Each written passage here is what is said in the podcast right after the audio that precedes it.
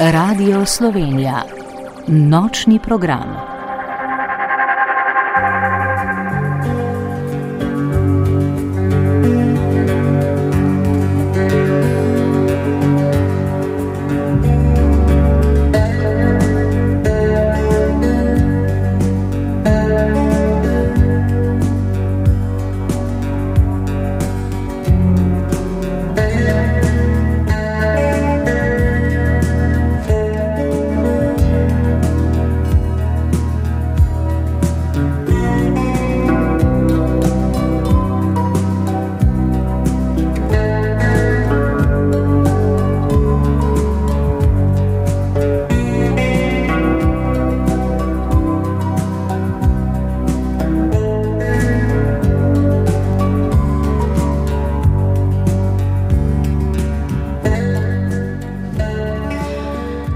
Lepo pozdravljeni, spoštovane poslušalke, cenjeni poslušalci. Začenja se druga nedelja novega leta, z njo pa tudi nova oddaja, ki jo v nočnih obiskih pripravljamo v okviru mednarodnega projekta BR, katerega nosilec je Radio Slovenija. O pomenu in vlogi zvoka v krogotoku človeškega življenja smo v naših nočnih druženjih z različnimi strokovnjaki redno poudarjali. Na zadnje smo predstavili nove zvočne igre, ki so v lanskem letu nastale za dojenčke in malčke. Poleg teh pa v okviru projekta, ki pionirsko spodbuja razvijanje zvočne umetnosti za najmlajše, nastajajo tudi nova glasbena dela.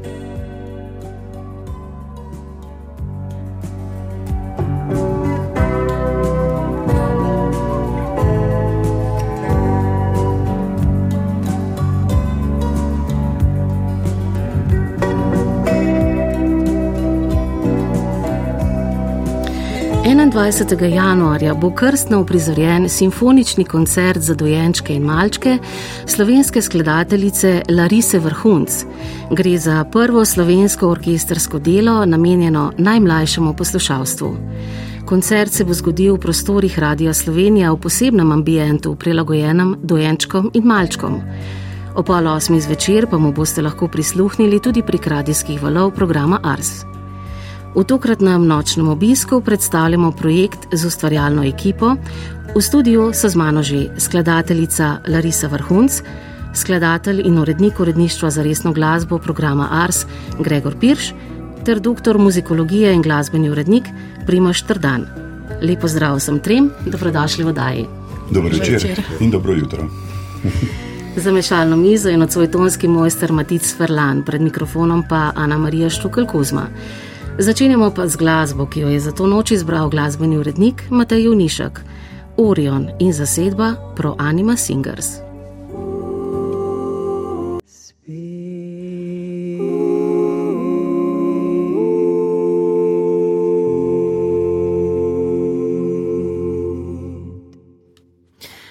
Takole so zapeli Pro Anima Singers, ura pa je polnoči na 11 minut. Naši gosti v studiu, Larisa Vrhunc, skladateljica in tudi doktorica muzikologije, skladatelj in urednik uredništva za resno glasbo Gregor Pirš in pa doktor muzikologije in glasbeni urednik Primoš Trdan. Ker se tudi osebno poznamo, se bomo tikali, prav? Ja, pa seveda. Gregor Pirš, ti si bil skupaj s Saško Rakev, ki je umetniška vodja projekta BR, inicijator razvijanja zvočne umetnosti za najmlajše. Kako se je torej vse skupaj začelo? Kaj je bila ta prva osnovna ideja? Ja, bilo je kar razburljivo, moram reči. Um, ker mnogo nekih sestankov, mnogo nekih srečanj, mnogo nekih kavic, kosil in podobno. So pa nekako skupaj padla z zelo različnima predlogoma, inicijalno. Jaz sem seveda bolj tehnološki tip, ars akustični zvočni umetnik in tako ne zelo rad programiram.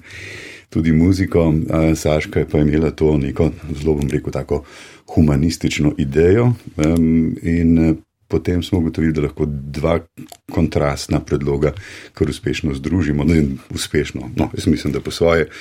Tako je, um, bolje stvar, um, iz, ve, večji izziv je stvar, bolje zanimivo je ta um, izziv reševati. Tako da se je potem rodil projekt BR, ki je vsekakor um, projekt izzivov, najbrž tudi priložnosti, jaz mislim, da in um, stvari so se začele dogajati. Mhm. Kako se je ta projekt razvijal naprej, da je prišlo do ideje za novo glasbeno delo? Ja, seveda, nekoliko sva debatirala, na katerih področjih bi bilo vse to izvedljivo.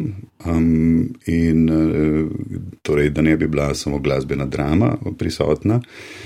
In sem se, sem se spomnil na svoje um, prijatelje, skladateljice in skladatelje. In uh, poseben izziv se mi je zdel naročati ravno simfonično delo. Ne? Simfonično delo je krona stvarstva. Zelo redko se, sploh strani Radio Televizije Slovenija naročajo simfonična dela, tako da smo potem um, nekako se malo potelefoniral in uh, dobil privoljenje načelno od uh, Larise Vrhunc, Mateja Bunina, tudi od uh, srpske sledateljice Svetlane Maraš, ki sem jo spoznal, mislim, da leta 2017 v Budimpešti na tribuni Rostrum.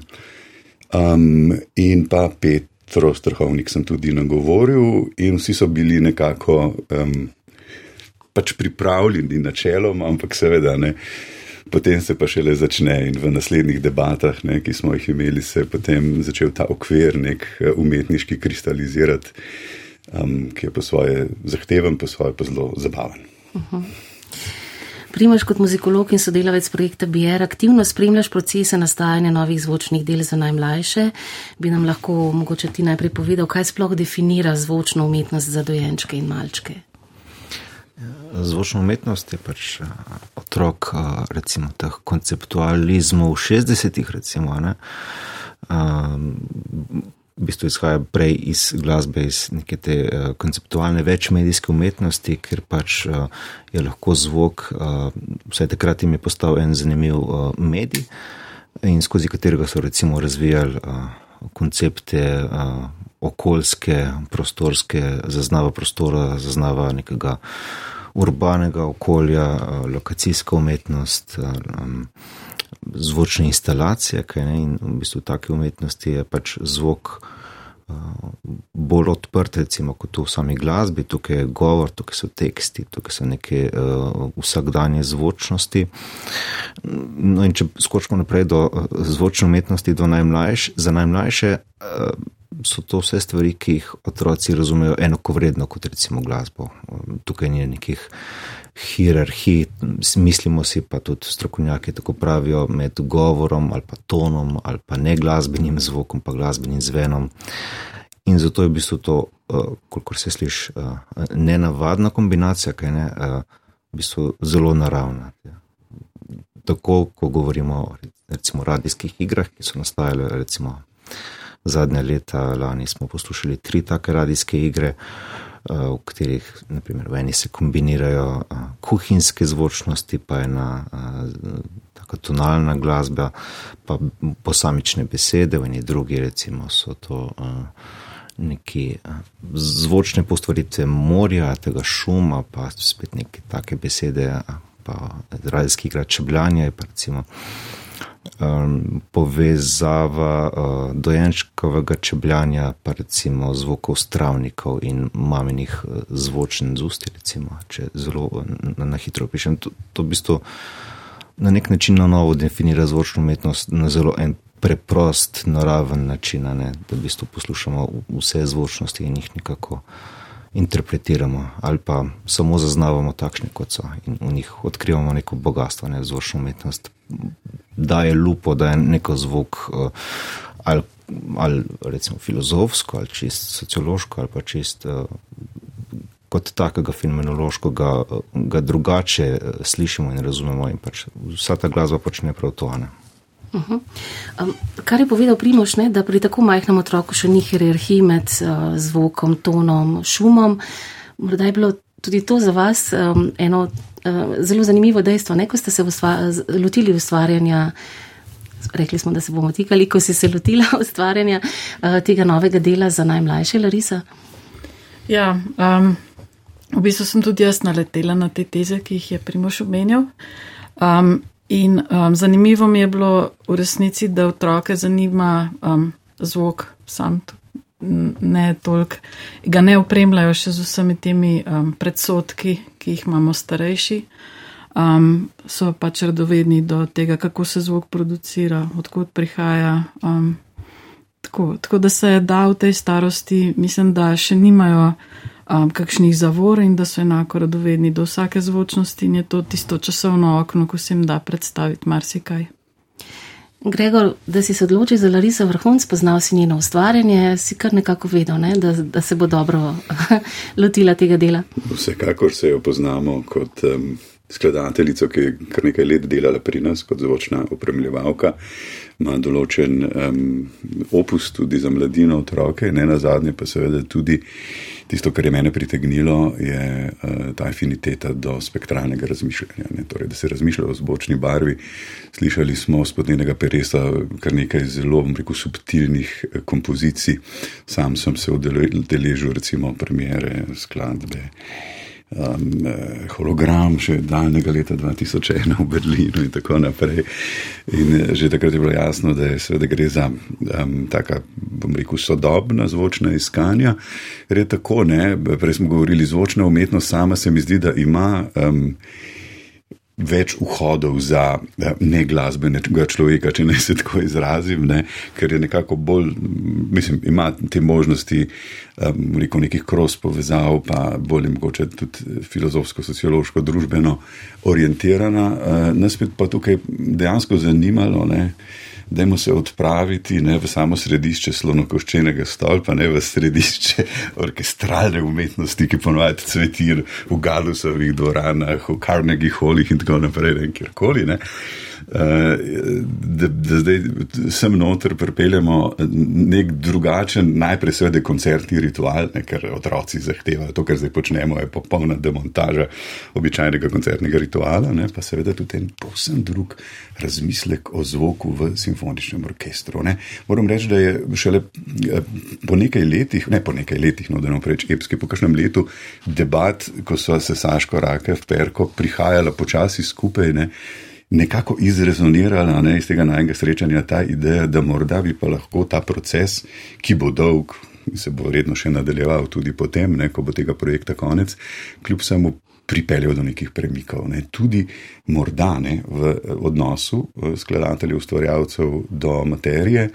Eh, pa ne pod neko prisilo, ne, ampak zato, ker pač odpiramo neke teme, neke razmisleke in povezujemo eh, umetnike z znanstveniki in eh, raznimi tezami in to spodbujamo.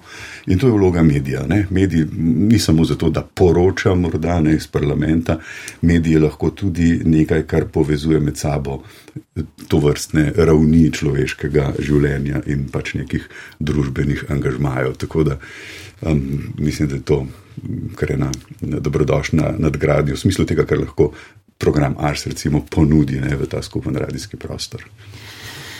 Prav to je tudi nekako v, v jedru samega projekta BIER, to povezovanje teh znanstvenih dognanj z umetniškimi snovanji um, in to mislim, da Primož si tudi že enkrat izpostavil, ne, da to ni zdaj samo na neki deklarativni ravni, ampak da v tem projektu BIER res um, prihaja res do dobrega sodelovanja med znanstveniki in umetniki. Ja, Sveda vsi umetniki povabljeni, da ustvarijo novo delo, so dobili um, en tak paket, recimo že, že pripravljenih uh, seminarjev ali pa webinarjev, uh, predavanj, uh, člankov, pač referenčnih strokovnjakov. Vsak seveda se je odločil za eno zanimivo smer, ne. To je bilo to izhodišče, ali se verjetno zna povedati, da je bilo tega veliko in da nekaj je bilo zanimivo, drugo pa spet ne. Sledila pa je seveda možnost posvetovanja z, z, ali z strokovnjaki, strokovnjaki, ki so pač že upeti v projekt ali pa tudi kakšni zunani. In ja, v tem se mi zdi, da v tem uh, več, večstopenskem uh, sodelovanju z stroko se mi zdi, da je to en ja, presežek tega, kar se pogosto, recimo v intermedijskih umetnostih, uh, razglaša kot uh, prekrivanje znanosti in umetnosti, kar se ponovadi zgodi na nekem čist konceptualnem nivoju.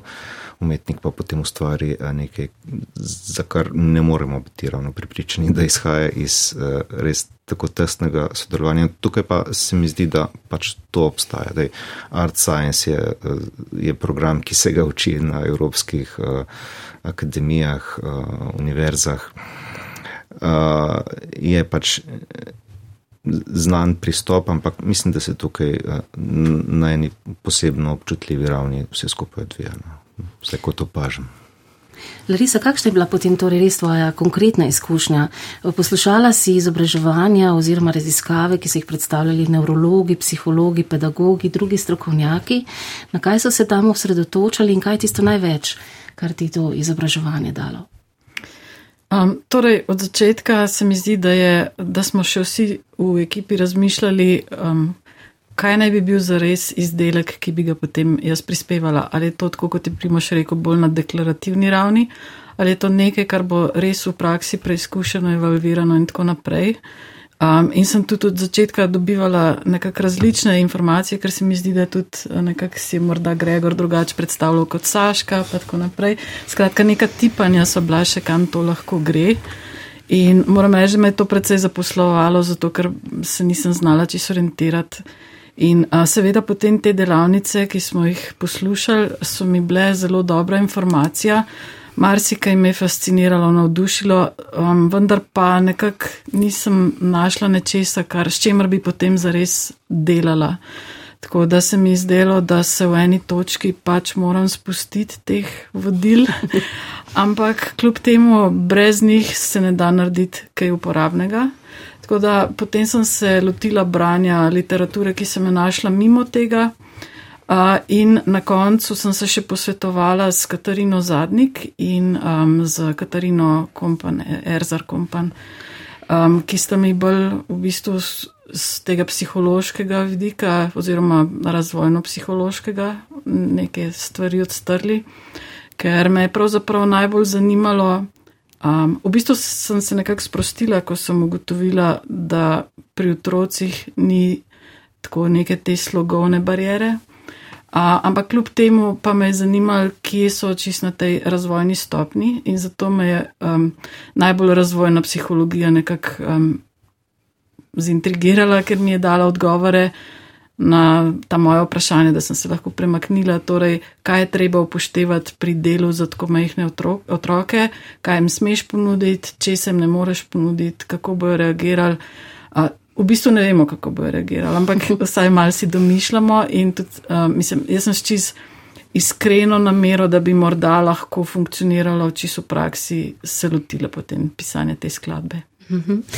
In katere zvočnosti so primerne za najmlajše, ko ste, ko ste vsi trije no, tako nekako brali oziroma poslušali te, um, te razprave, ta spoznanja strokovnjakov in kaj je bilo tisto, kar si potem najbolj upoštevala tudi pri snovanju?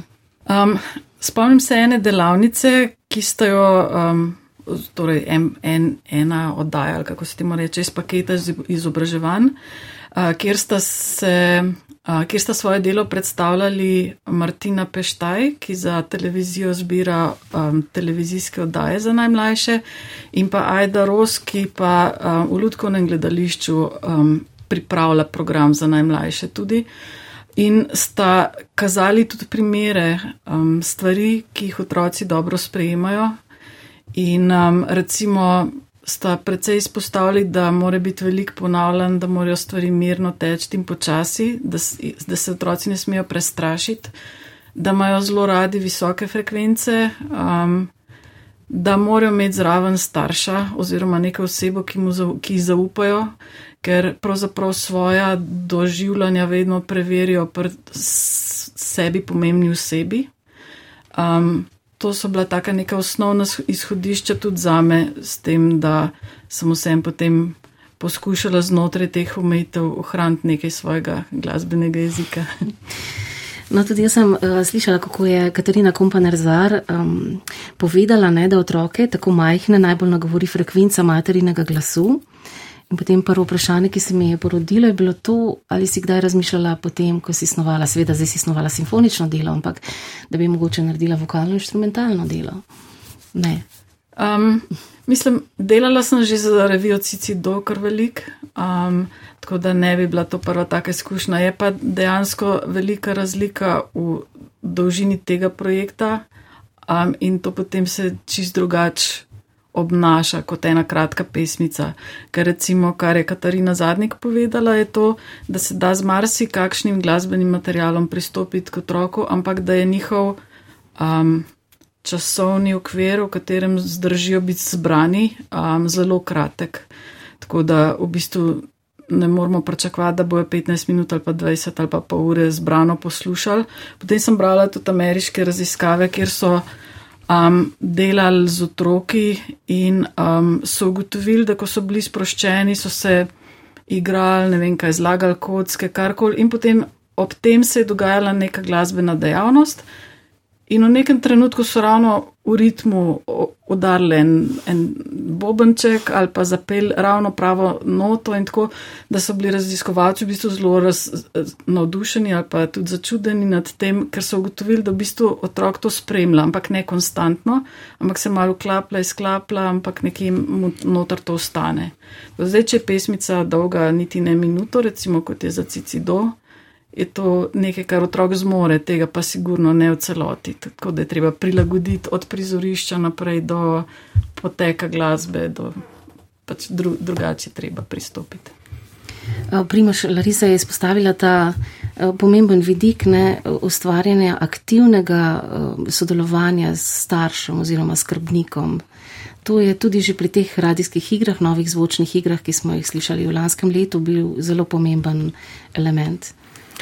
Ja, Saška Rakev povdarja, da a, je do tega prišlo nekako tako, da se bistvu starša oziroma detka, babica, očeta, strice, teto, kako se že reče, pomembnega drugega, bližnjega, a, v bistvu njega se izkoristi kot performerja skupaj, ne, ki, da v bistvu se odrasel odziva na zvočnosti iz uh, teh radijskih iger in na ta način, uh, kot ste rekli, Larisa, pač je en tak most ne, med, med nekim uh, delom, zvočnostjo, neko dejavnostjo in otrokom. Ne.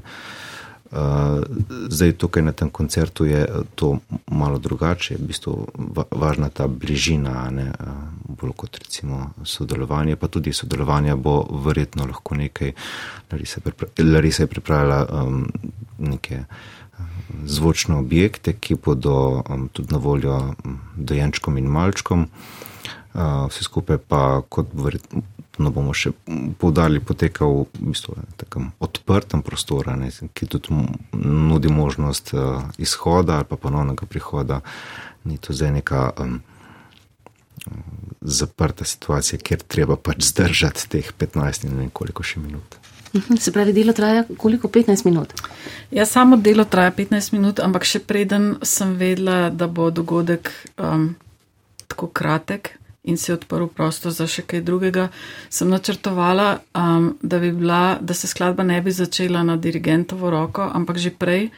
Um, Ker vem, da ko otrok vstopa v nek prostor, ga vse zanima. Vsak zvok, ki se oglasi v prostoru, ga že zanima in sem želela to vključiti v kot v pripravo na nastop skladbe, na začetek skladbe, tako da sem že od začetka načrtovala, da bi se glasbeniki pomalem oglašali, še preden se dirigent uh, um, vklopi in da bi to se nekako spontano prelilo v samo skladbo. Tako da zdaj sama skladba traja 15 minut, um, ta predhodni in zahodni del, recimo, um, sta pa ja, poljubno dolga, pač dokler bo zanimanje ali nekako tako. Koncert se bo torej zgodil 21. januarja ob 17. bo torej um, prvič izvedeno delo tako tiho, člani simfoničnega orkestra RTV Slovenija, ga bodo zaigrali skupaj z dirigentko Catherine Larson Maguire. Kako so se Gregor simfoniki odzvali na to pobudo izvedbe? Ja, če sem čisto projekta? iskren pred simfonike, fizično bomo še stopili v sredo pred tem v enem takem prijaznem nagovoru. Zelo hvaležno, seveda jaz mislim, da po dosedanjih eh, komunikacijah in eh, vseh dogovarjanjih lahko rečem, da seveda ima naš orkester veliko posluha za to, vse ne na, zadnjo, ne, ne na zadnje je naš orkester vedno bil v prvih vrstah, eh, tudi ko je šlo za kakšne nove stvari in um, je, kot radi rečemo, orkester širokega spektra, ne, igra od zabavne glasbe do naj. Eksperimentalne glasbe in tukaj morda zdaj dodajamo še, še nekaj k tej širini. Ne. To, pravzaprav, jaz sem zelo um, Zelo, zelo me zanima, ne, kako bo ta pravi izvedba izgledala. Lahko si predstavljam, da bom vstopil noter, čisto potihem, lahko tisti zvočni prostor. V studio 26 bosta dva prostora, nekako ograjena in zaščitena ne, za malčke. In se potem usedem tja nekam na rob in pogledam, in z stropa visijo določena zvočila, ki proizvajajo zvoke, kovinske in vse naokoli sedijo glasbeniki orkestra, razporejeni na različne načine.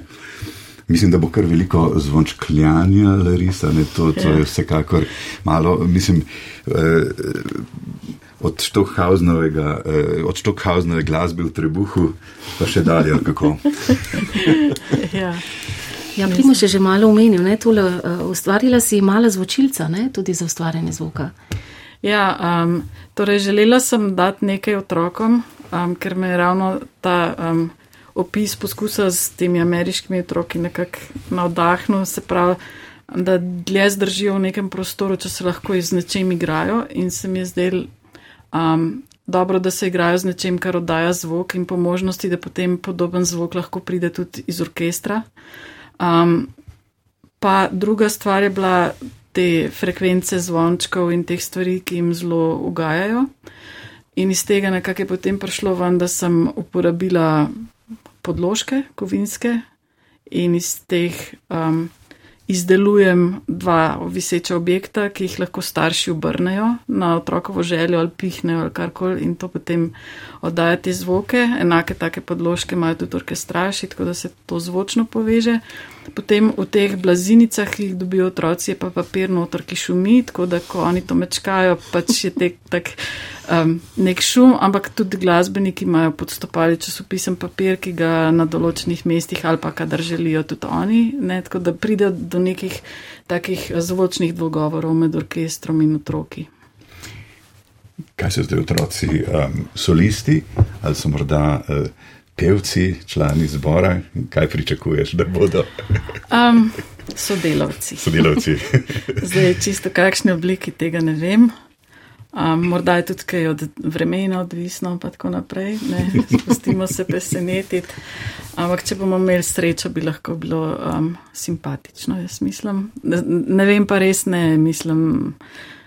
Ja, lahko bojo fascinirani, ker bo okoljnih zvok, ker bo potval okrog in bojo morda zaposleni z opazovanjem tega.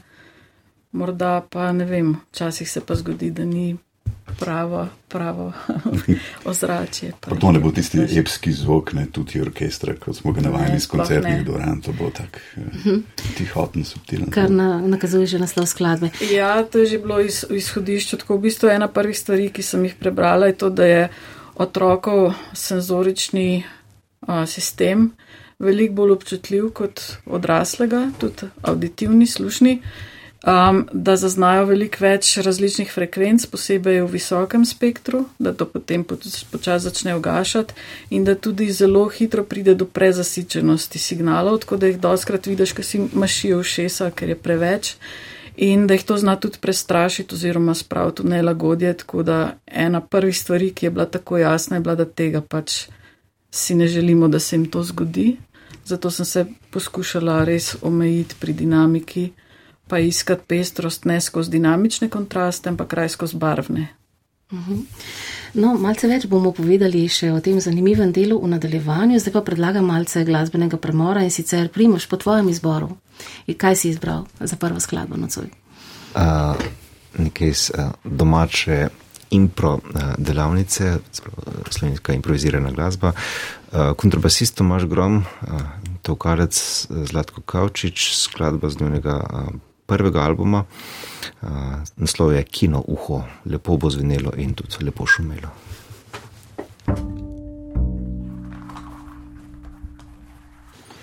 Simfonični koncert za dojenčke in malčke Larise Vrhunc se bo torej zgodil 21. januarja.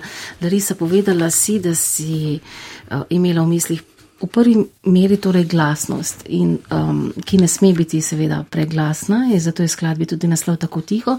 In zdaj imamo tukaj tudi partituro in v njej ni praktično nobenih dinamičnih oznak. Ja. Um, torej, v začetku, v navodilih za izvajanje je napisano, da vsake te glasbene vilice za dinamiko pomenijo, da se zvok rodi iz tišine, iz popolne nule do in gre največ do piano. In nazaj, mislim pa, da bomo verjetno na vajah se precej s tem ukvarjali, da bomo poiskali prava razmerja med vsemi temi zvoki, zato ker je tudi nekaj nestandardnih zvočil, za katera si je težko predstavljati, kako se bojo upela v orkestrov zvok. Uh, ampak načeloma bo pa gotovo vse tiho. Eno, eden od inštrumentov bo tudi vodafon. Ja, um, to je v bistvu tokalni inštrument. Um, videti je tako, da je kovinska buča, nas na obodu pa ima kovinske palice. Uh, in v sredini je luknja, v katero se nalije vodo. In um, potem, ko se te palice oglašajo, lahko po njih trkaš, jih igraš z lokom ali ja, v glavnem ti dve tehniki. Um, potem voda zaniha in spreminja višino zvoka, tako da je tak eteričen. Uh -huh. uh, tudi dve skledi, ne si omenila? Ja, uh, dve tibetanski skledi. Ti dve, ki sem jo jaz dobila, imata več izrazitih frekvenc in uh, sem potem to uporabila za harmonski material skladbe. Um, pa tudi različne tehnike igranja na te sklede so uporabljene, um, tako da se različne barvne možnosti tega inštrumenta izpostavljajo v različnih delih skladbe. No, eden od pomembnih segmentov, seveda, pri pisanju skladbe je tudi ritem, in razvojni psihologi pravijo, ne, da uh, mora biti ritem pri tako majhnih poslušalcih predvidljiv in varen, ampak z nekimi elementi presenečenja, da ne postane dolgočasno. Si, kako si se ti tega uh, lotila? Um, torej, tukaj v bistvu ni ritma uh, v tem smislu, kot je bil mišljen, verjetno. Ampak ravno s tem, ko ga ni, postane to zvočna plast, ki morda lahko na trenutke ponikne v zadje. Um, ali pa potem spet postane bolj zanimiva. So drobna presenečenja v vse čas, ampak nobeno ni tako, da bi te prav uh, šokiralo. Um, ja. Drugač pa um, so drobni ritmi, ampak nimajo te funkcije, da bi, da bi um, lahko otrok po njih plesal ali ne vem, pač nekaj, neko motorično dejavnost izvajal. Um, pač pa sem se bolj nekako orientirala na to, je, ker je v eni od delavnic um, Katarina Habe omenjala, um, da so otroci bolj dovzetni oziroma bolj zbrani pri svojih dejavnosti, če jim ali vnaprej daš poslušati primerno glasbo ali pa ob dejavnosti predvajaš kakšno glasbo. In je omenila, um, da so primerne glasbe, ki vsebujejo um, alfa valove. Um, to so frekvence okrog 10 Hz, ki jih proizvajajo možgani in jih eh, potem simulirajo v glasbeni obliki tako, da največkrat binauralno, da je razlika v dveh frekvencah tam nekje 10 Hz. In a, če si to skozi slušalke spuščaš, v bistvu je to neka simulacija teh možganskih valov, ki naj bi zelo umirjajoče delovali na otroke. In potem sem to poskušala v skladbo vključiti še posebej na nekaj mestih naj bi bile take umiritve, ki simulirajo teh 10 Hz. Kakšni bodo torej odzivi otrok, bomo šele videli, ampak vse, kar se bo zgodilo, um, ne bomo vzeli kot neko motnjo, ne? ne? tako dojemo, dojemaš uh, tudi to. Ja, ne? vsekakor. Um, torej, že v, v izhodišču, ko je bilo še mišljeno, da bova skupaj s Petro Strahovnik oblikovali ta večer, um, smo se o tem pogovarjali, da je najna želja, da bi se skladba dvakrat izvedla, um, oziroma dogodek, enkrat uh, s to otroško publiko in enkrat brez, in v bistvu bi na ta način dobili dve različni deli, ker je to, kar bojo otroci s svojimi glasovi in dejavnostnimi prispevali, kot še ena zvočna plast v skladbi. Tako da za naj obe je to predstavljalo dve varianti, dve, dve različni skladbi v resnici. Tako da to nikakor ni motnja, ampak je del skladbe. Uh mhm. -huh. Primaš, kaj bi ti odgovoril recimo tistim ljudem, ki pravijo, da morda tako majhen otrok, predšolski otrok, ne potrebuje še neke zvočne umetnosti? Upajo potem. Mislim, da vse skupaj eh, eh, cel ta razmislek, ne, ki je tako zelo očiten uh, v opisu te skladbe in nastajanju projekta, že takoj pove v drugo smer. Um, ne absolutno ne tudi kot starš, pač lahko povem, da uh, marsikaj otroke zanima. Sploh recimo do treh let je tukaj ena dejansko izjemna odprtost.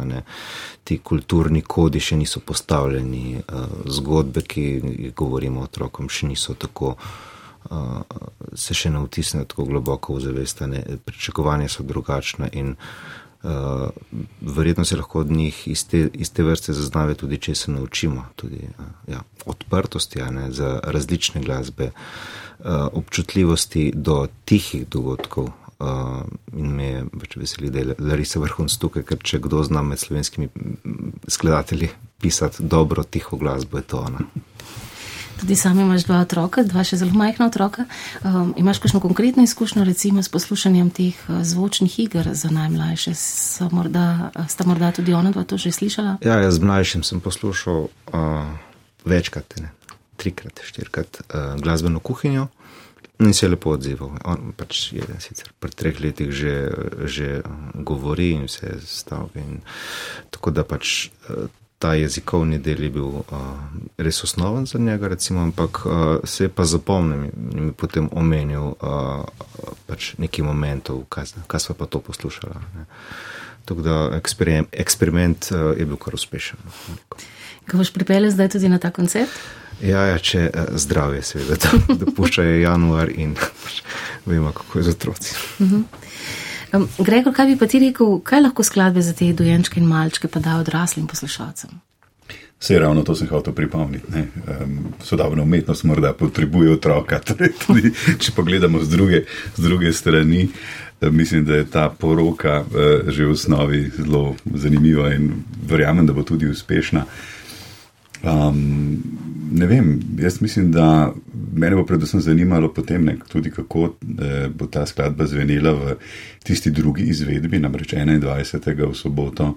Januarja bomo ob 19.30 potem naredili eh, še nočni koncert, večerni koncert za odrasle, ki ga bomo tudi na programu Ars neposredno prenašali in potem tudi en pogovor, ne, da vse skupaj zaokrožimo.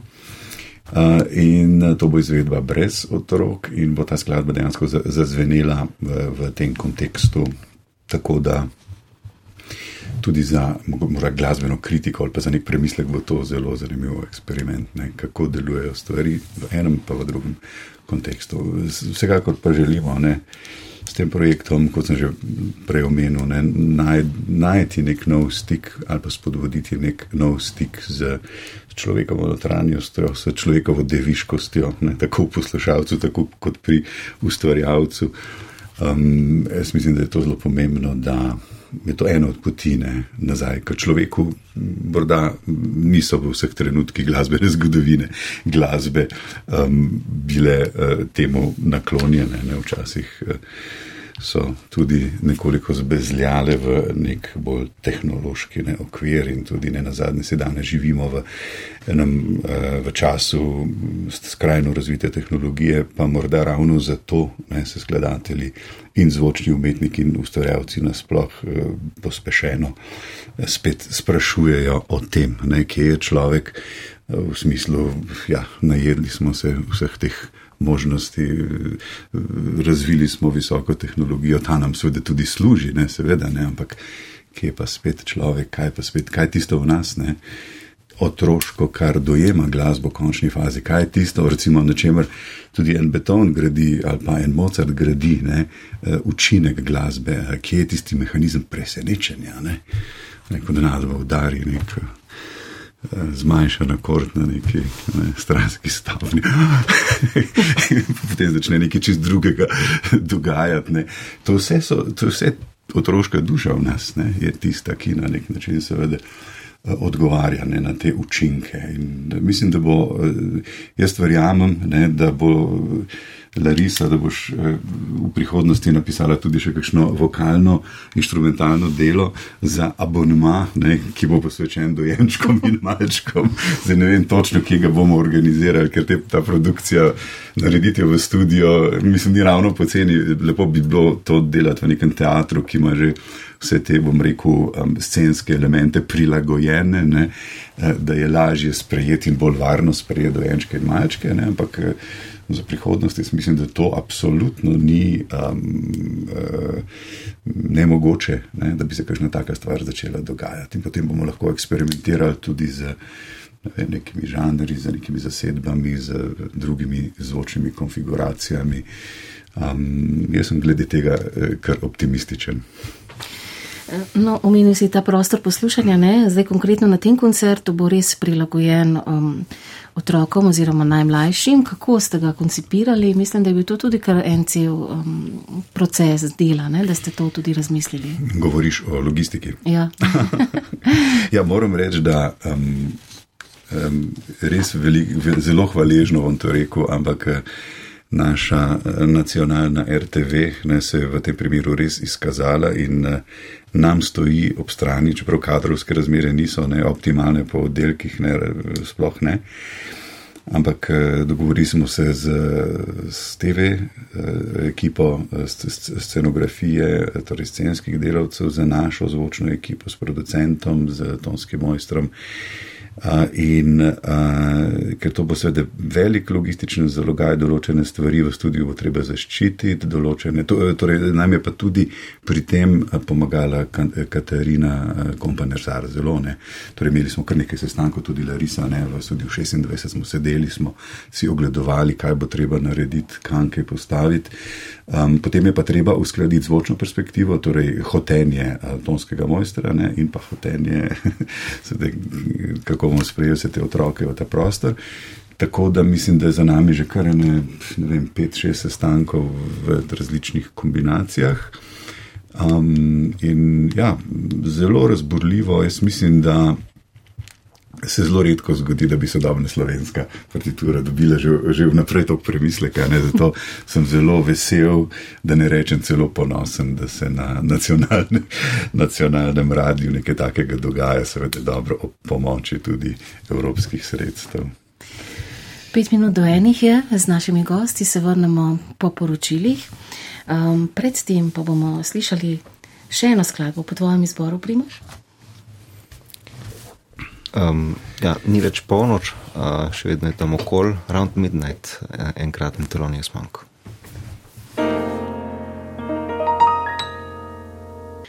Ena, ena in šest minut je ura, poslušali smo skladbo Jardin d'Iver v izvedbi zasebe Bosa Denovo in pa pevka Mateja Koležnik.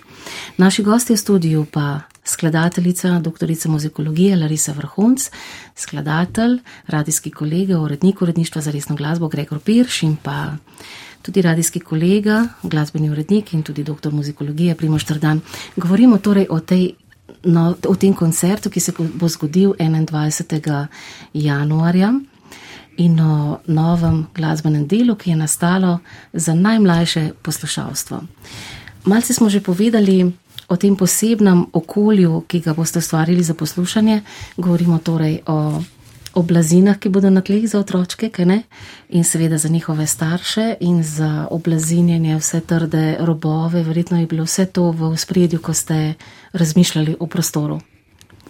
Ja, um, torej, na prvem sestanku smo že ugotovili, da otroci zelo radi sodelujejo na ta način, da sami preizkušajo stvari. In smo ugotovili, da če se želijo glasbeniki dobro počutiti, da jih moramo na nek način umakniti, ampak ne na tak način, da bi postavili ograjo okrog njih, ampak na nekaj bolj naravnega. Tako da, kar smo naredili, a, smo ugotovili, da bi jih dvignili od tal, ampak to ne bi bila taka barijera, da otroci ne vidijo čez dno. Tako da še vedno so vsi v istem prostoru, samo tista stopnica je ravno pravšna, da recimo ne bi prišlo do tega, da bi kateri od otrok želel preizkusiti inštrument, ki ga glasbenik v orkestru igra. Um, tako da smo uh, še vseeno hranili ta enoten prostor, seveda pa potem smo se ukvarjali s tem, kako zaščititi robove praktikablov, pa da ne bi bilo kakšnih mrtvih kotov, kamor bi lahko kakšen otrok zlezel, a recimo tudi pri klaverju, ki ustaja na tleh sem pisala tako, da bo pedal skozi pritisnjen, pa bomo potem to uvili v filc, da ne bi kakšen prstek noter zašel. In tako pač um, res smo bili pozorni do vseh teh detajlov, ki bi lahko predstavljali nevarnost za otroke. Imeli ste še tudi nekaj vaj, na katerih ste bili, uh, si bila tudi prisotna, ne skupaj z glasbeniki. Um, ja, to je bilo pa v bistvu interne narave. Um, ko sem pisala, sem si želela uporabiti neka nestandardna zvočila in sem zato glasbenike iz orkestra prosila, um, če bi to preizkusili, zato da bi mi povedali, če so pripravljeni se s tem ukvarjati potem, pa kako to funkcionira, na kaj bi morala paziti, torej kakšne so omejitve. Zato, ker če jaz sama kot recimo izvajalski amater nekaj preizkusim, um, ni nujno, da bo to za profesionalnega glasbenika delovalo na enak način. Prej si povedala, ne, ko smo poslušali glasbo, ne, da je eden od glasbenikov bil zelo navdušen. Ja, mislim, da so taki prijetni zvoki, um, ker na to nas je že upozorila Katarina Kompanerzar, da vsi zvoki, ki spominjajo na neke strašljive naravne pojave, niso zaželeni, zato ker se otroci, otroci zelo hitro dobijo te zvočne asociacije. In um, potem se prestrašijo, in ko so enkrat prestrašeni, potem ne sodelujejo več. Uh, zato je pač bilo dobro ostati pri prijetnih zvokih, recimo na, na prijetni strani je tudi to zvončklanje, pa, pa še kaj drugega, pač ni vse samo zvončklanje, no, da ne bo kdo mislil.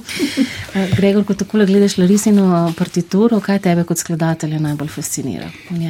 Ja, nedvomno ta spektr različnih eh, nenavadnih zvokov, ne vidimo, da bomo na oboji, da bo obojist eh, proizvajal zvok vetra, potem flauta, zvok piščali. Pa potem so tukaj znamenite pojoče posode v različnih uglesitvah, pa potem so tukaj zvonovi, pa eh, tukaj tudi vibrafon, eh, timpanine, koža, en velik timpan, mislim, da je notranji tudi v zasedbi. Poleg seveda tega reduciranega orkestra, ne, ker je nekaj violin, nekaj vseh, vsakega po nekaj in ta orkester zveni, je, je nekako sedi na okoli. Eh, obkroža prizorišče dokaj kaotično. Ne. To je bilo zelo zanimivo. Ponovadi, ne, ko pridemo mi v neko Dunajsko koncertno dvorano, ne, imamo čela, violine, potem so pihala. To je vse razporejeno po neki zelo, zelo fiksni recepturi, ki, se, ki so jo izumili eh, stoletja nazaj. Ne. Um, tukaj pa seveda bo šlo za eno neverjetno zvočno sliko, kjer bomo dobivali različne impulze različnih barv iz različnih smeri. Ne. Tudi trobila so nekako razpostavljena bolj v višino, ne. nekako smo se trudili, no, čeprav ravno pod stropih ne moramo obesiti, nažalost. Na ja. Mogoče to na naslednjem koncertu. E, kako, kako Larisa, mogoče res vprašanje za tebe, no, kako predvidevaš, no, da bo ta, ta zvočna slika, ki je zelo drugačna od klasične, delovala? Um. Ja, mečkaj me skrbi, malo me zanima, uh, mislim, veliko me zanima, pa mečkaj skrbi.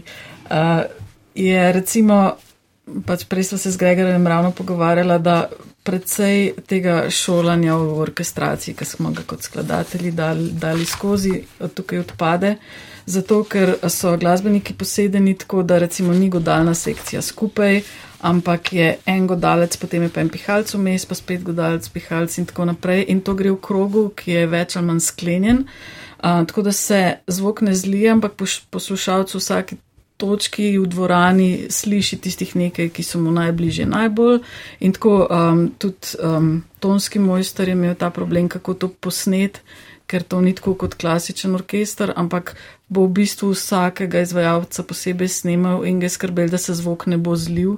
Tako da tukaj bo neka, neka druga situacija, kot smo jo navajeni in, in bo zanimivo. Tako tudi pisala sem s to mislijo, um, da se bo vsak, vsak glasbenik, da se ga bo posebej slišal.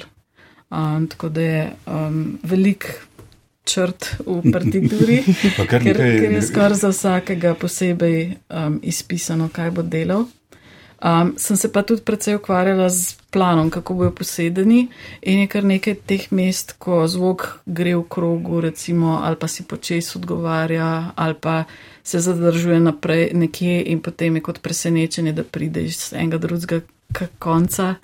In trubilci v resnici so bili mišljeni na galeriji, ampak potem iz varnostnih razlogov to ni bilo mogoče, ampak smo jih vse nekako umaknili za orkester, tako da se jih skoraj da ne bo videlo, ampak bojo v določenem trenutku um, s svojim zvokom spet kot neko presenečenje vstopili v zvočno sliko.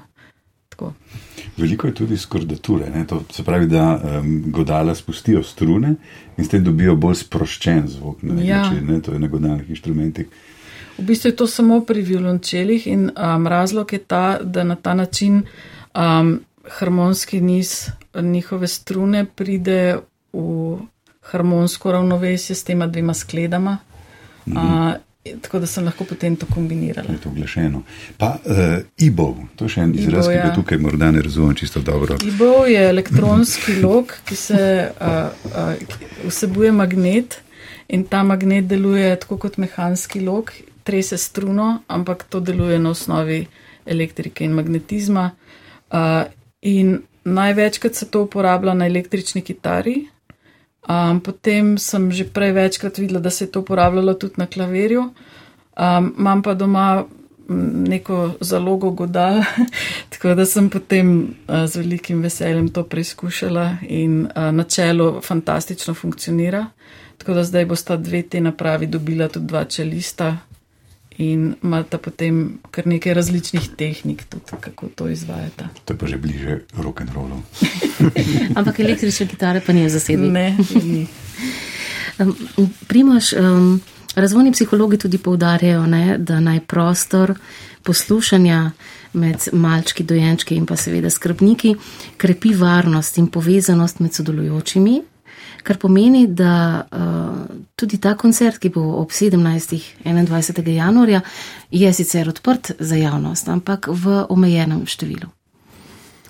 Uh, ja, glede na velikost studio 26 in na velikost, ki pač terja orkester, ki se razporedi naokrog, uh, je ta številka prišla do največ 20, morda nekaj čez. Uh, tako da ja, um, seveda vsi bi si želeli. Nove in nove izvedbe, upamo da tudi do česa takega pride.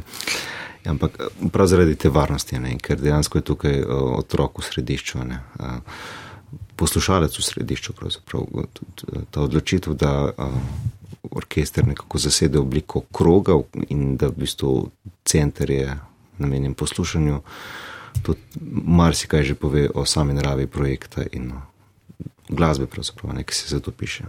Kako konkretno potem um, priti do vstopnice? V začetku tedna bo vse to lepo opisano na spletni strani programa ARS. Odprli bomo posebni aplikaciji za prijave brezplačne vstopnice, pač omejene zaradi že, že povedanega. Je pa možno se na ta način prijaviti uh, na, oba, na obe izvedbi, torej uh, svojim uh, dojenčkom oziroma malčkom in pa tudi na večerno izvedbo, ki pač je recimo temu javno snemanje te skladbe, studijsko snemanje. Ta večerni koncert bo torej o pol osmi, ki bo tudi v neposrednem prenosu na programu Ars.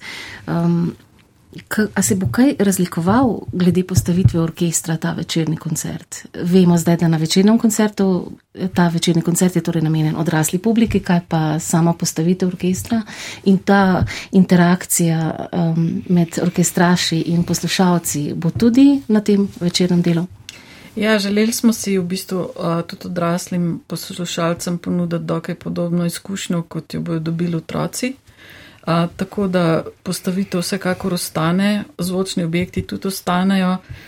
Um, edino morda oblika sodelovanja bo v toliko drugačna, da odraslo publiko lahko na, nagovoriš in jim ponudiš, da če želijo, lahko sodelujejo, medtem ko pri otrocih bo to šlo tako, kot se bojo otroci počutili. Kako pa je to označeno v partituri? Um, v partituri sem predvidela mesta, ko orkestraši proizvajajo te zvoke. um, ki bodo nekako um, se povezali s tem, kar bodo otroci počeli ali pa ne bodo počeli, um, s tem, da navodilo orkestrašem bo, da če se kakšen otrok posebej zanima za koga od njih, da lahko s papirjem, ki ga imajo pod nogami, vedno z tem otrokom sodelujo tudi izven tega, kar predpisuje partitura.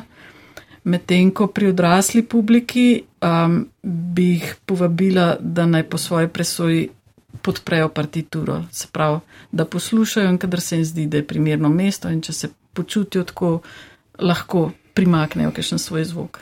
Jaz sem eno vprašanje, morajo tudi eh, odrasli prideti s spremstvom ali torej teh bližnjih, kako, kako smo prej rekli, da imaš pomembnih, pomembnih bližnjih. Pomembnih bližnjih. Skrbnikov, ja. Ja, sigurno je, dvoje ali troje. Ne bo odveč tako. tako. Točno. Dvoje lepše. Ne? Jaz mislim, da bo to zelo razburljiva iz- izkušnja tudi za odrasle. Tako da vabim vse poslušalce, poslušalke. Um, bo pa zanimivo opazovati razliko med obema izvedbama. Jaz se bojim, da bo rezultat uprit otrokom. Otrokom, malčkom. se tudi zdi tako. Je. Um, no, z nekaj zaključnimi mislimi se vrnemo še po tej skladbici, uh, tokrat tudi po tvojem izboru, Primaš. Kaj je Draxler, kaj ne? Ja, zdaj se mi je primeren naslov Nina Nana. Uh, Kaj je Draxler, in, uh, torej pianistka in uh, kitarist Matis Čudars.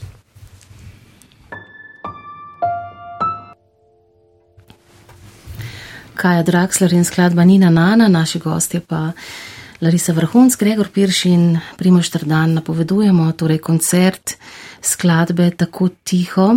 Simfoniki RTV Slovenija ga bodo izvedli, gre za prvo simfonično delo za najmlajše občinstvo, za dojenčke in malčke in seveda tudi za njihove skrbnike. Uh, Potem pa večerni koncert, uh, namenjen odrasli publiki. Ob tej priložnosti povejmo še to, da bo tudi tisti dan, 21. januarja, na sporedu tudi javna generalka, ki pa je namenjena ranljivim skupinam, se pravi poslušalcem, ki redko lahko pridejo na takšen koncert.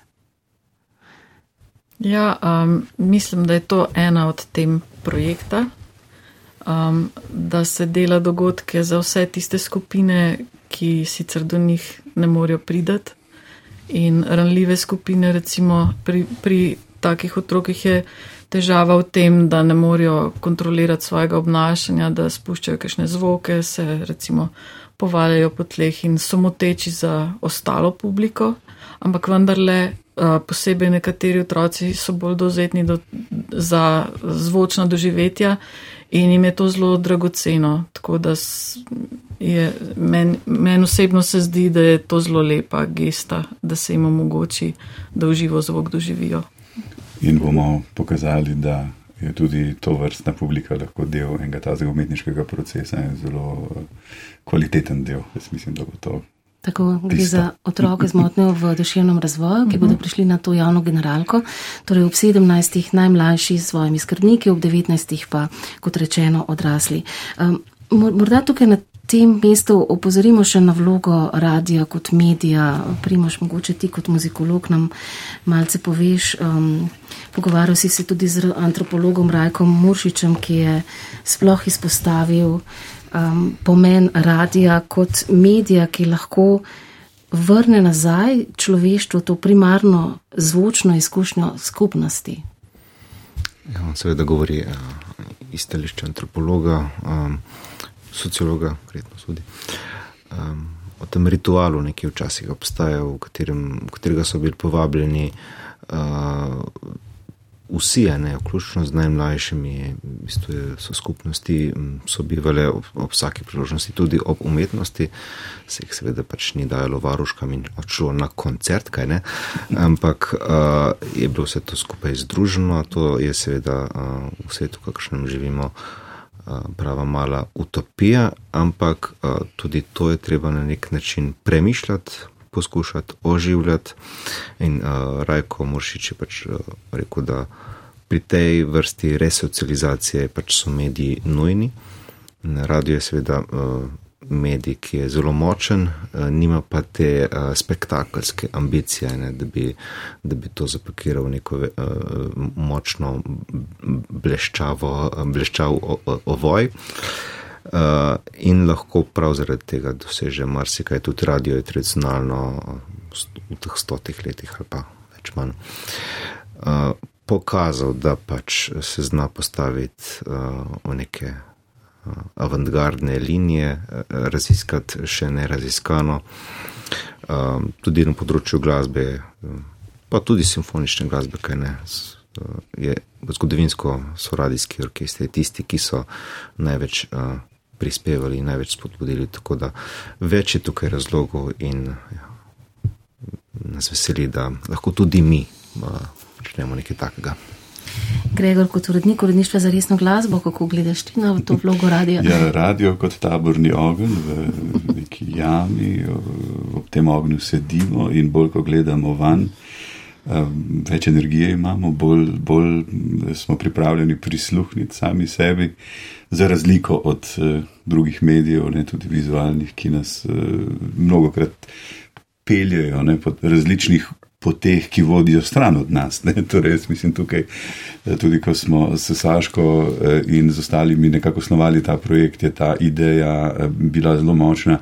Torej, da skušamo postaviti radio, oziroma omogočiti radio, da razkrije še nek vrsta dodaten potencial, ali pa da skušamo tudi eh, nekaj dobiti, tisto, pripeljati tisto refleksijo, eh, da, ki, ki lahko um, nam pomaga ozavestiti vse te dodatne dimenzije, ki jih radio ima, ker tako je. Ne? Um, morda je v zadnjih desetletjih malo v, teh, v tem medijskem razkošju utonil v nemilost, ampak mi, ki smo radici, vemo, ne, ker smo varuhi tega radijskega ognja, da je ne, določen misterij, določena mistika, določena privlačnost, magična privlačnost eh, medija, ki, o kateri so govorili naši zgodni kolegi, pa se bom spomnil recimo Nataše Dolenc ali pa tako ne, eh, v svoji svojih premislekih, ko so, ko so govorili, da ja, je radio, radio, neki, neko posebno tako, um, eno, takim um, glasom uh, naklonjenosti. Ne? In mislim, da med nami vsak, ki na radiju dela, ve, ne, tudi kako težko je uh, z radia oditi, ker seveda slišno, zvočno, to je tisto. Ne? um, kar morda ne zgleda tako zelo fascinantno na prvi pogled, ampak ima pa neke eh, daljnosežne, nudi neko daljnosežno in zelo. Rekel, tako notranjo, entuzijastično upletenost. Ja, zdaj sem fur naložen, ampak se mi zdi, da um, je to dejansko to. Simfonični koncert eh, Tako tiho, Larisa Vrhunc je nastal, kot smo nocoj že večkrat povedali, v okviru mednarodnega projekta BR in pa hkrati tudi v okviru cikla Odkritja 26, nam programa ARS. Nam lahko še malce poveš nekaj o tem ciklu? Ta cikl se je rodil pred leti, ko smo, eh, predvsem s Primožem, iskali eh, nekako rešitev, kam utakniti tisto eh, najmodernejšo sodobno glasbo, ki, za katero velja, da več kot 25 poslušalcev v Sloveniji nikakor ne zbere. In no. kar se ni resno, ampak bom rekel, včasih tudi samo 18, včasih pa tudi 35, ne. lahko tudi 100, ampak to je vse, vse še vedno premalo za Galusov dvorano Cankarjevega doma. In prišli smo do neke ugotovitve, da je vseeno bolje ne narediti študijski koncert, kamor lahko povabimo 50 poslušalcev, napolnimo studio, hkrati pa poskrbimo za odlično snemanje, za odlične zvočne pogoje in pa za uh, posredovanje tega koncerta uh, tudi multimedijsko. Tudi ta koncert v soboto bo na nek način sneman, sicer ne od blizu. Ampak eh, ta, tudi video bomo um, posredovali mislim, tudi preko euroradijskih vodov, tako da se bo videlo. Nam ne gre za to, da bi seveda dokumentirali posamezne obraze, ampak za to, da pokažemo proces. Ne. To je za nas zelo, zelo pomembno, kaj točno se dogaja.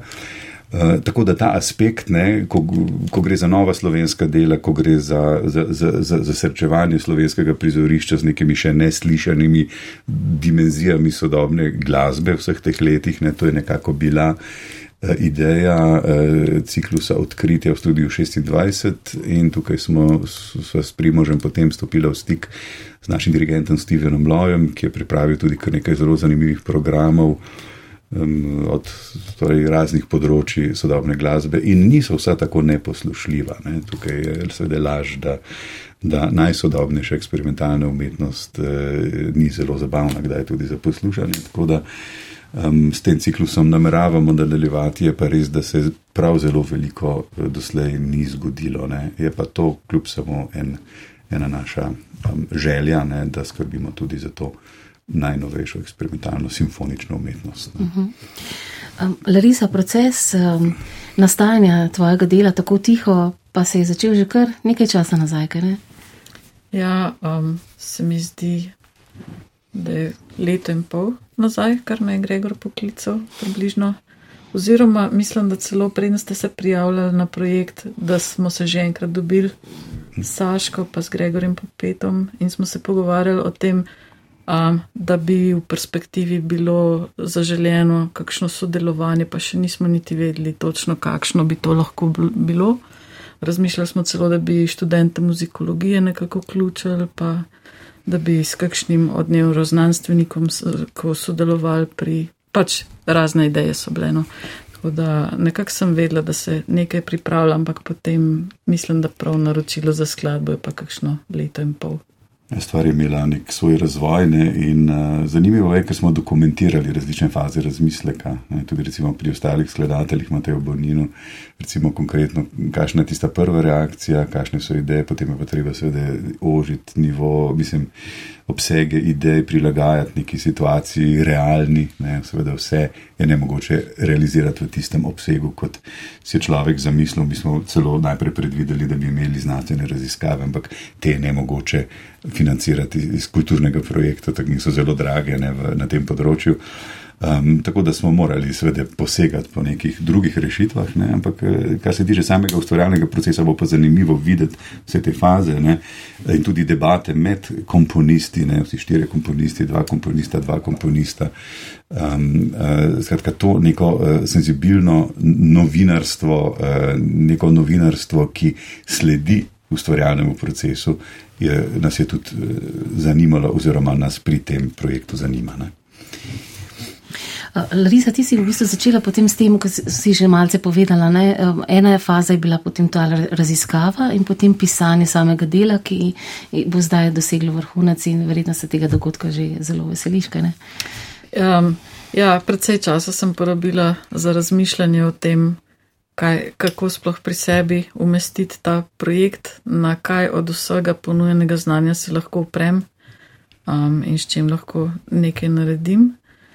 Potem seveda pisanje vsake simfonične skladbe zahteva svoj čas, tako da je bil kar dolg proces. Um, nekaj, nekaj časa sem s tem preživela in seveda, da me um, zdaj že močno zanima, kakšen bo potem končni rezultat. Gregor, kako pa vidiš perspektivo razvoja in poslušanja teh zvočnih del za dojenčke in malčke? Bomo s tem projektom še nadaljevali? Jaz iskreno upam, uh, upam, da bomo izdali tudi kakšno zvočno izdajo. No, seveda tudi v okviru projekta se stvari nadaljujejo, ne, potem po tem koncertu 15. junija, na naslednjem koncertu, o tem bomo poslušalke in poslušalce obveščali. Nadaljevali se bodo tudi z tako imenovano z zvočno umetnostjo, z inštalacijami, z sound artom, Eh, vse to pripravljamo ne, za juni v okviru projekta Global Specificity z različnimi drugimi partnerji, tako da bomo spoznali kar nekaj božjih obrazov umetnosti za dojenčke, malčke in randljive skupine, če citiram naslov samega projekta BR oziroma njegov podnaslov. No. Uh -huh. Torej, če imate kakšno vprašanje o, konkretno o koncertu, ki se bo zgodil torej 21. januarja, ko bo na sporedu simfonično delo za dojenčke in malčke, tako tiho, Larese vrhunc, lahko pišete na naslov b črtica air afna rtvslo pika si. Glede vstopnic pa, kot rečeno, tudi na spletni strani programa Ars. Um, mogoče za zaključek še tvoja muzikološka misel. Primaš, ko si razmišljal o tem uh, projektu in si opravil tudi nekaj pogovorov, uh, mislim, da si tudi zelo zanimivo izpostavil ne, pomen te, te zvočne umetnosti kot relacijske umetnosti. En, en izraz, ki ga je uh, razvojna psihologinja Katarina Kompanerzer že večkrat omenjena svetovalka pri projektu omenila, da pač je veseli, da se uh, s tem izrazom to vrstno stvarjanje poimenuje in jaz sem intervju zastrigel z ušesi, aha, to je pa v bistvu en uh, še kar slaven teoretik z področja zvočne umetnosti, uh, Brandon Label. Ki sicer piše veliko tudi o političnosti umetnosti, pa o, o recimo zvok v vsakdanjem prostoru. Ampak on ima eno knjigo, ker pač um, obravnava ta pojem relacijski zvok, ki je tisti zvok, ki zanima zvočno umetnost, torej zvok, ki lahko na razne načine komunicira z, z, z realnim svetom. Vemo, glasba pač kot takšna ima svoje glasbene kode, svoje glasbene načine komuniciranja, ki so krhki, eh, ne dajo se prav na lahko uloviti z besedami. Recimo zvočno umetnost pa pač gradi na drugačen način s temi povezavami. In uh, jaz se mi zazdelo, da pač tudi ta dela za dojenčke in malčke uh, s to odprtostjo zvoka, ne, da, da se v bistvu tako zelo lepo in preprosto, uh, nekonfliktno, mimo nekih teoretskih uh, barijer, uh, vklopijo v ta sistem zvočne umetnosti in popolnoma učinkujejo. Se tudi ti že veseliš koncerta? Oh, ja, vsekakor in pravzaprav celotnega, celotnega letošnjega leta. Kot rečeno, še nove orkestrske skladbe, pa recimo instalacije, ki bodo oblikovane kot zvočna kupola, pa kot eh, blazina, v kateri bodo skriti zvoki in po kateri bodo lahko iskali eh, malčki, pa raziskava. Cela antropološka glasbena raziskava, uspavank, to pa še marsikaj nas čaka letos. Gregor, letos tudi program Mars praznuje 60 let. Odlično in mislim, da bo to zelo dobra povezava. Mislim, da se je to zelo dobro sestavilo, da bo tudi projekt BR en del tega, kar lahko pokažemo eh, občinstvu in svetu. Namreč ravno z tega stališča, da je tudi radijski program lahko akter na umetniškem, eh, umetniškem prizorišču. To se mi zdi luksus v našem prostoru slovenskem, tudi to, da je ta program podprt ne, in da lahko živi eh, in podpira umetnike in jih vključuje v lastne projekte. Torej, super. Ko sem vas zdaj tako na zadnji poslušala, me je zelo um, fasciniralo tudi to navdušenje, primer, s katerim si govoril in to radovednost in očarnost. Mislim, da so to vse tudi značilnosti, ki jih imajo otroci, ko poslušajo zvočno umetnost in uh, um, se mi zdi, no, bomo videli, kako bodo v tem reagirali odrasli, ampak verjetno bi si Larisa želela, ne, da bi se tudi oni, ko bodo poslušali tvoje delo, malce nalezli te radovednosti in očaranosti. Ja, vedno, kadar me ljudje sprašujejo o sodobni glasbi a, in kako naj jo poslušajo, a, moj nasvet je vedno, da naj poskušajo vse poiskati radovednost, to primarno radovednost do zvoka, ki mislim, da nam je urojena. In to si želim tudi za publiko ta večer. Jaz sem že zelo radoveden in v bistvu ne vem, ali bom prišel na koncert ob petih ali pol osmih. Verjetno kar na oba, ne? Eh, torej, za vse, ki ne boste uh, mogli na koncert, pa še enkrat povabilo ob pol osmih zvečer, 21. januarja, lahko koncertu, simfoničnemu koncertu za najmlajše občinstvo, skladbi Tako tiho, Larisa Vrhunc, prisluhnete tudi v neposrednem prenosu na programu Ars. Spoštovani gosti, najlepša hvala za obisk v tem studiu, za ta hvala zelo zanimiv pogovor. Hvala, hvala za vabilo. In pa za konec smo pa prihranili, Gregor, pa po tvojem izboru. Ja, ker smo govorili o uspavankah, uspavanka iz Eda, ena najbolj priljubljenih japonskih uspavank, pa se zdaj lepo vseh teh razborljivih načrtih kljub vsemu zazibljamo v en kakovosten spanec.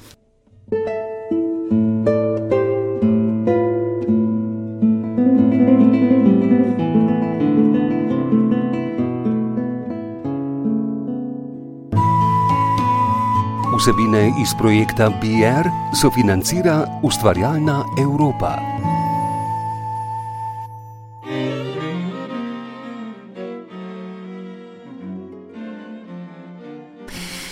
Spoštovani poslušalke in poslušalci, v nočnem obisku smo se z gosti, skladateljico in doktorico muzikologije Lariso Vrhunc, skladateljem in urednikom uredništva za resno glasbo programa Ars Gregorjem Piršem ter dr. muzikologije in glasbenim urednikom Primožem Trdanom, pogovarjali o razvijanju novih zvočnih in glasbenih del za najmlajše. 21. januarja ob 17. bo krstno izveden simfonični orkest, eh, koncert za dojenčke in malčke Larise Vrhunc.